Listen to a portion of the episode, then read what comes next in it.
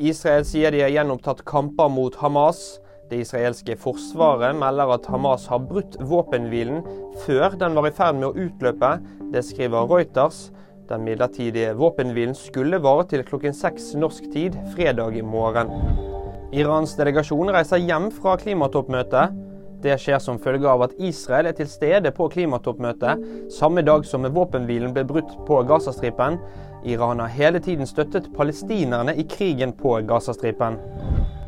Marcus og Martinus deltar i Melodifestivalen. Tvillingduoen er med på listen over de 30 artistene som skal delta på Melodifestivalen i Sverige i 2024. Brødrene kom på andreplass i årets utgave av svenskenes Melodi Grand Prix med låten 'Air'. Og det var VG-nyhetene. Nyheter finner du alltid på VG.